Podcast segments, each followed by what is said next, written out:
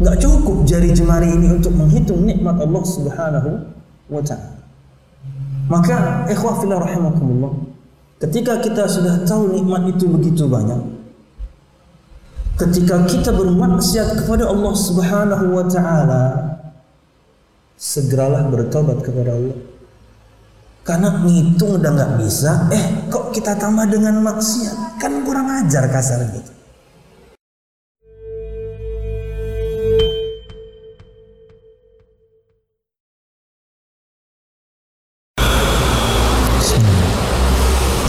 Assalamualaikum warahmatullahi wabarakatuh. Alhamdulillah wassalatu wassalamu ala Rasulillah wa ala alihi wa ashabihi wa man wala wala haula wala quwata illa billah. Alhamdulillah segala puji dan syukur marilah kita panjatkan kepada Allah Subhanahu wa taala yang kembali memberikan kita kesempatan hingga alhamdulillah kita bisa kembali yakni safar.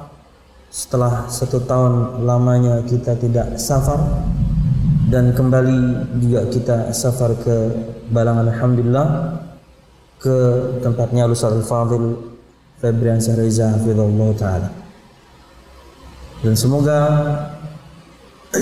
kondisi makin membaik hingga kemudian yakni dakwah seperti biasa bisa kita jalankan kembali tidak cuma di kota-kota kita sendiri tapi juga bisa kemudian bersilaturahim kepada banyak kaum muslimin di kota-kota yang lain. Insyaallah amin ya rabbal alamin.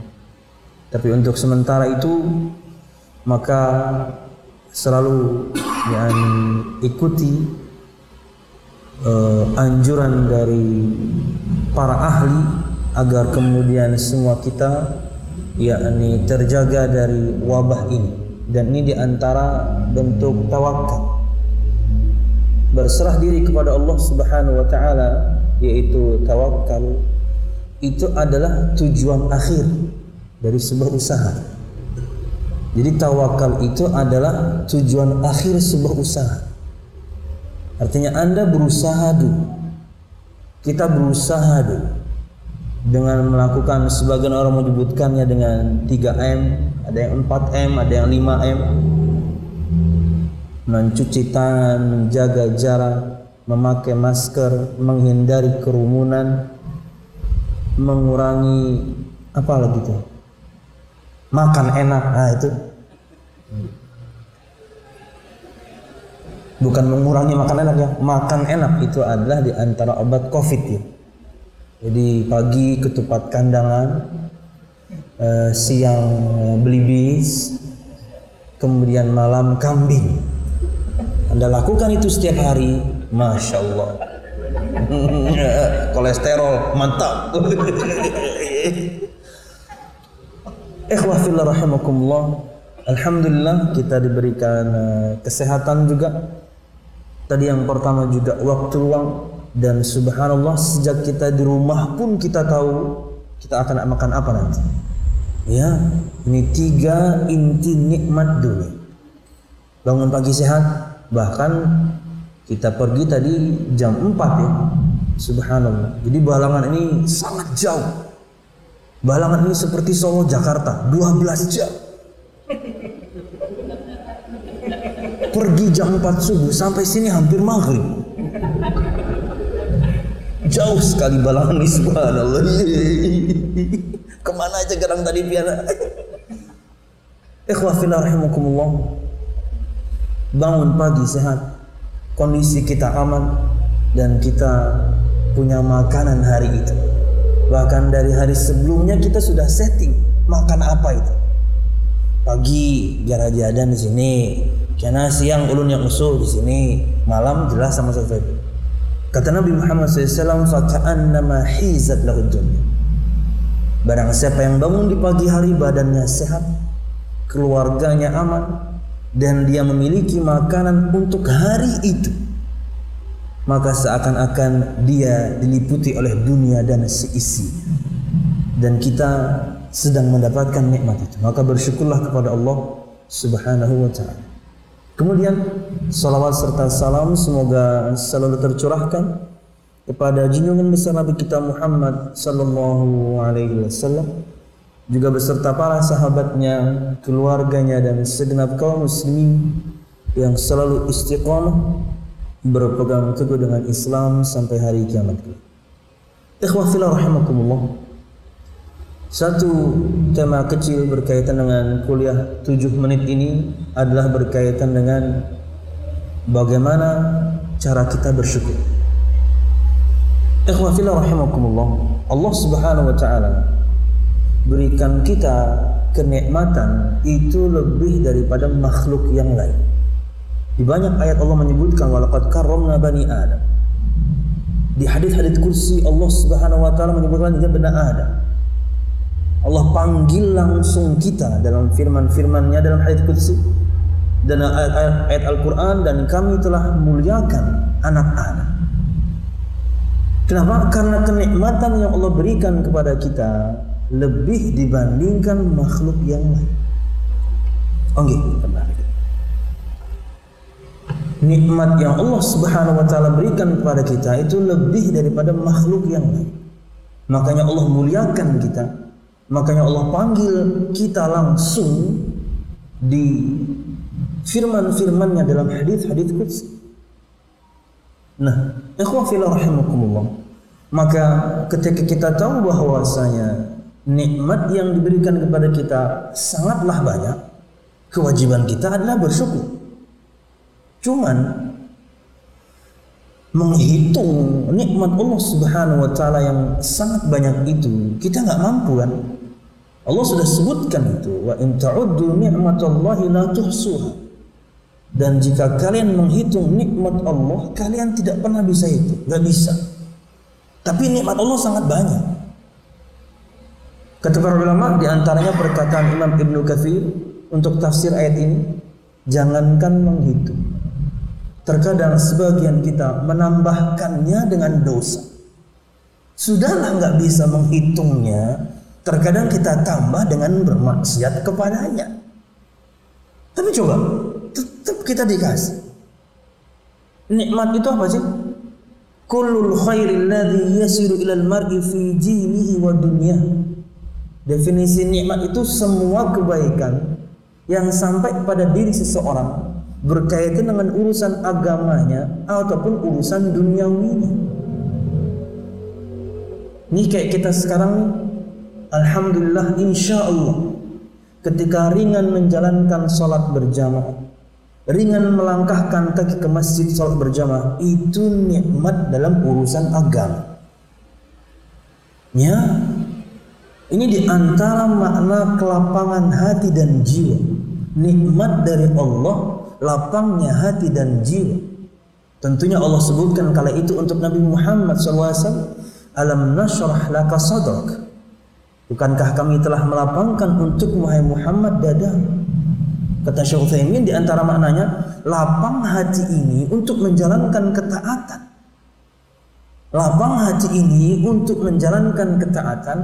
Ringan kaki ini melangkahkan uh, untuk melangkahkannya ke masjid dan makna terbaliknya adalah juga gampang meninggalkan maksiat. Itu nikmat yang luar biasa dalam urusan agama. Nah, di luar itu, maka urusan dunia begitu banyak. Contoh tiga yang tadi. Kesehatan, keamanan, makanan. Banyak di antara kita alhamdulillah punya pasangan. Alhamdulillah punya keturunan. Alhamdulillah punya pekerjaan. Alhamdulillah pekerjaannya pun subhanallah mendatangkan yakni harta yang sangat banyak misalnya. Enggak cukup jari jemari ini untuk menghitung nikmat Allah Subhanahu wa taala. Maka ikhwah fillah rahimakumullah, ketika kita sudah tahu nikmat itu begitu banyak, ketika kita bermaksiat kepada Allah Subhanahu wa taala, segeralah bertobat kepada Allah. Karena ngitung udah nggak bisa, eh kok kita tambah dengan maksiat? Kan kurang ajar kasar gitu. Tapi itulah kita ya. Kita selalu berbuat salah. Tapi sebaik-baik orang yang selalu berbuat salah adalah yang bertobat kepada Allah Subhanahu wa taala. Selalu bertobat. Dan salat ini di antara cara kita untuk melakukan itu. Kita yang butuh dengan salat ini. Kita yang perlu dengan salat ini. Karena itulah momen kita minta ampun kepada Allah Subhanahu wa taala karena di sela-selanya kita bermaksiat begitu banyak. Kayak kejadian simpel di rumah Ustaz Saleh tadi. Itu harusnya jadi renungan. Apa itu? Banter prosok. Anda kira itu bukan teguran? Oh, sangat mungkin itu teguran tapi kecil. Apa? Banter prosok. Bisa jadi belum ten, tidak tentu kemudian karena teman-teman yang di mobil jenazah yang berdosa bisa jadi di mobil yang lain. Di sela-sela itu kita melakukan dosa, Allah tegur sedikit. Ikhwafillah rahimakumullah. Nah, Allah Subhanahu wa taala berjanji untuk semua kita kalau bersyukur mesti ditambah. Dan Allah kita tahu Allah tidak pernah ingkar janji. Maka Berikut ini ikhwah rahimakumullah beberapa cara yang bisa kita lakukan dalam praktek kita mensyukuri nikmat Allah Subhanahu wa taala. Dan tentunya ikhwah bersyukur akan nikmat Allah Subhanahu wa taala itu sifat orang-orang yang beriman.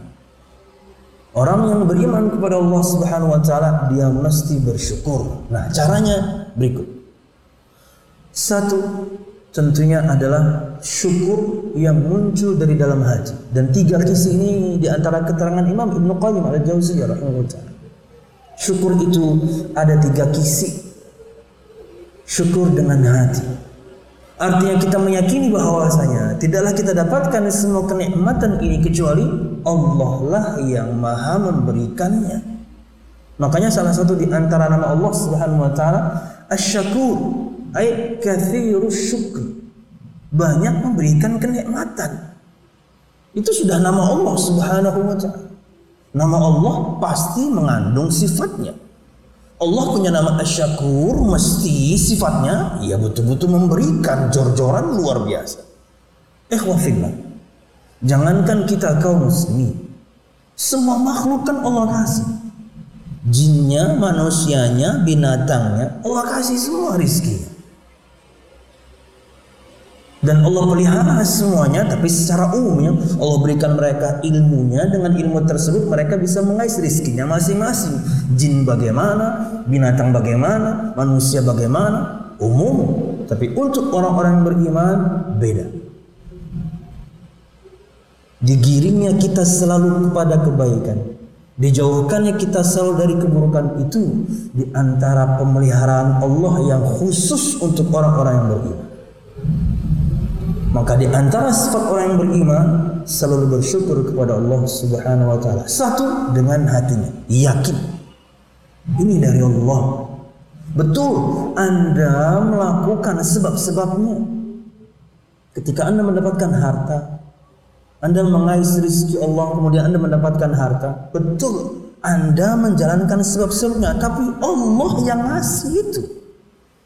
Agar kemudian kita tidak congkak, agar kemudian kita tidak sombong bahwasanya semua yang saya miliki ini ah karena memang jadi payah saya sendiri karena memang saya jago karena memang saya karena memang saya no. Allah yang kasih untuk anda. Anda hanya menjalani anda hanya menapaki jalan.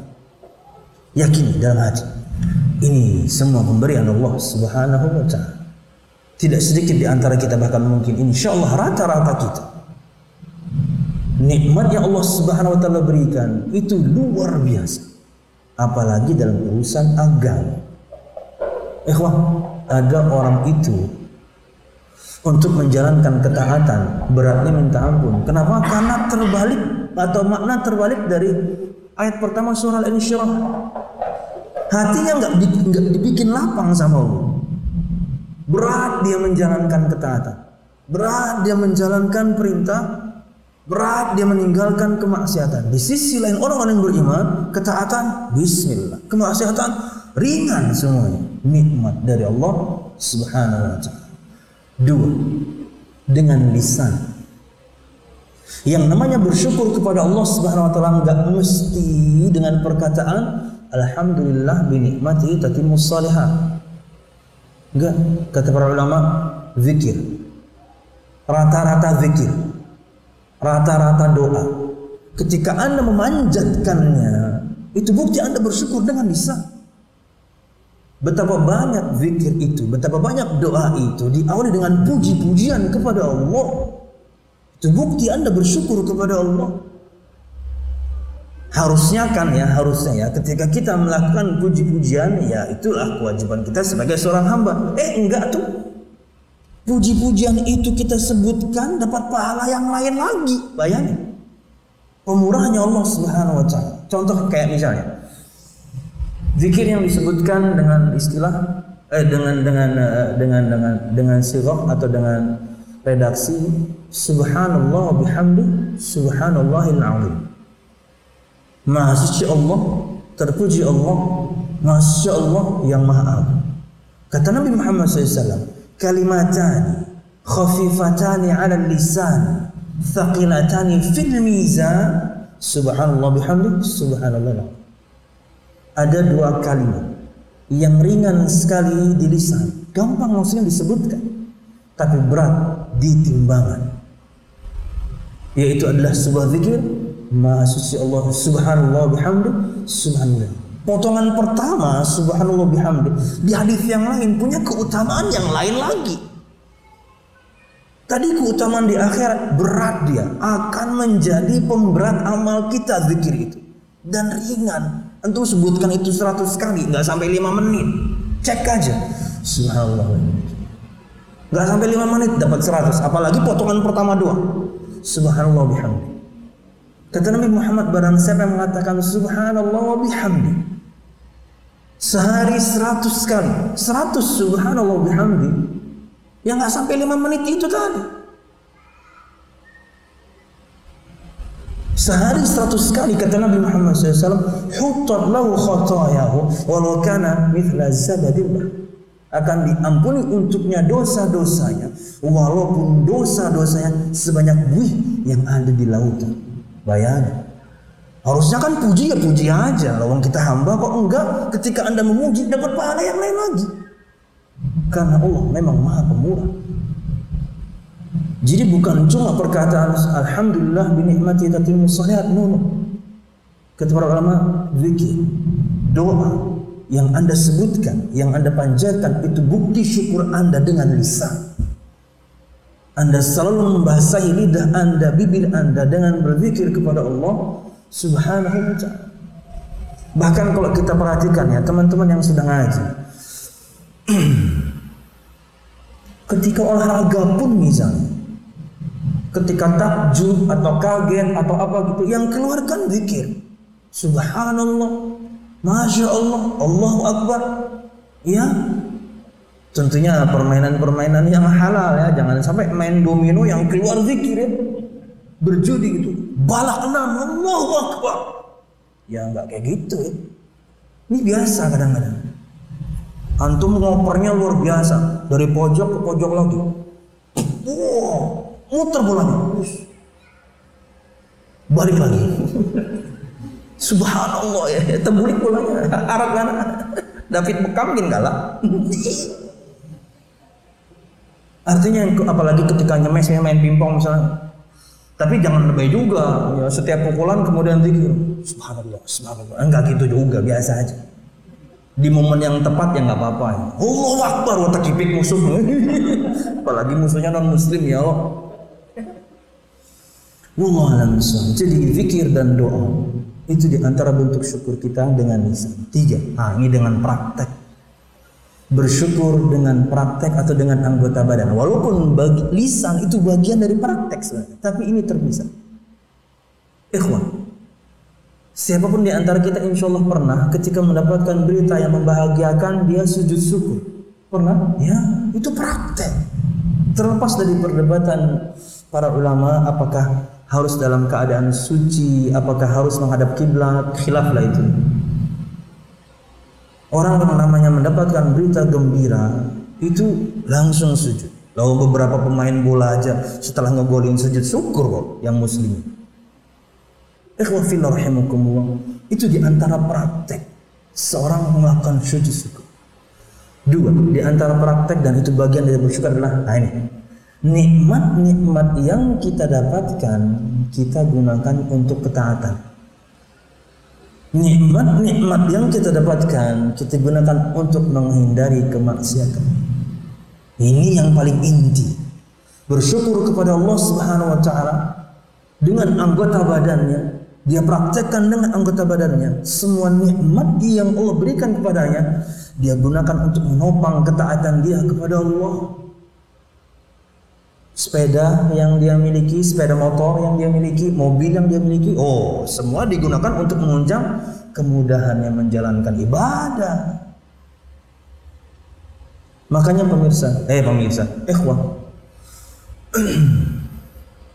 orang kalau misalnya punya cara pandang seperti ini dalam bersyukur, segala sesuatu yang dimiliki, termasuk gadget di antara, mesti dia akan gunakan hanya untuk mendekatkan diri kepada Allah karena ia adalah nikmat.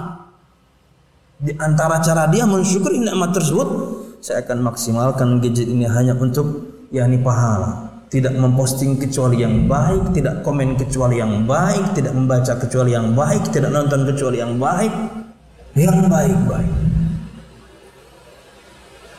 Kemudian, nah ini juga penting pemirsa.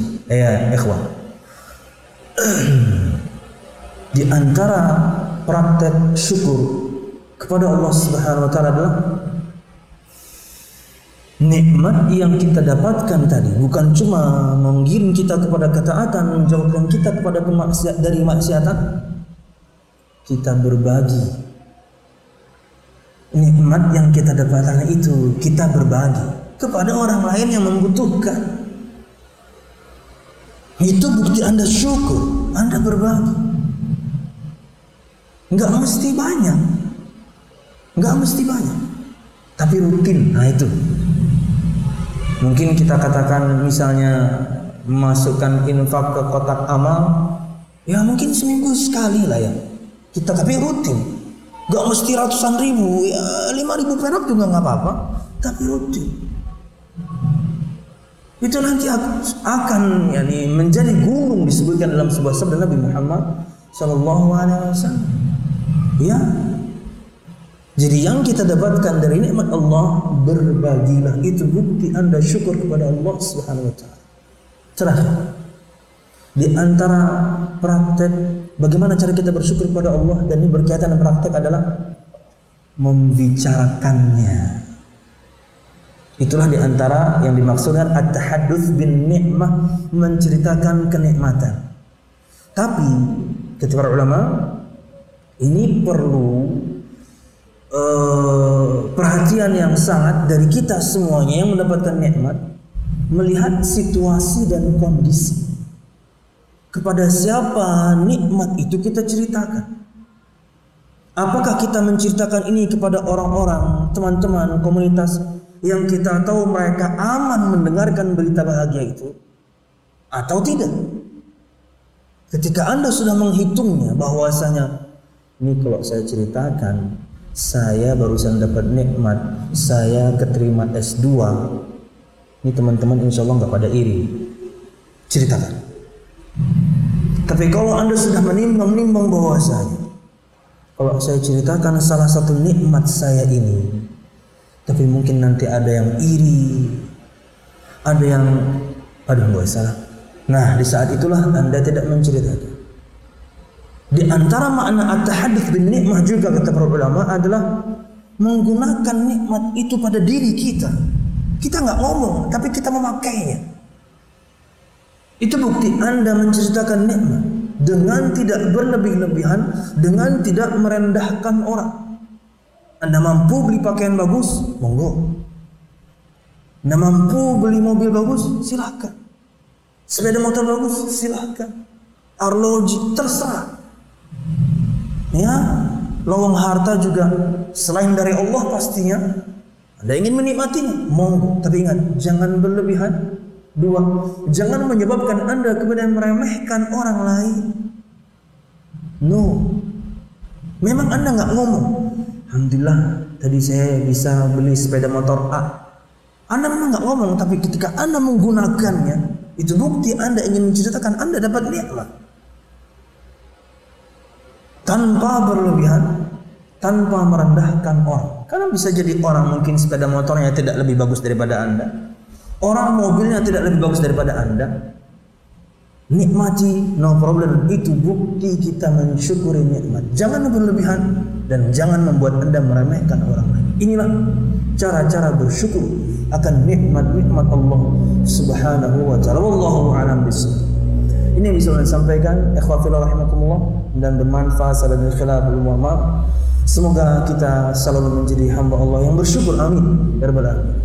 Karena insya Allah kita bagian dari orang-orang yang beriman dan sifat orang yang beriman selalu bersyukur kepada Allah Subhanahu wa taala. Wallahu a'lam Subhanallah bihamdika asyhadu an la ilaha illa anta astaghfiruka wa atubu ilaik.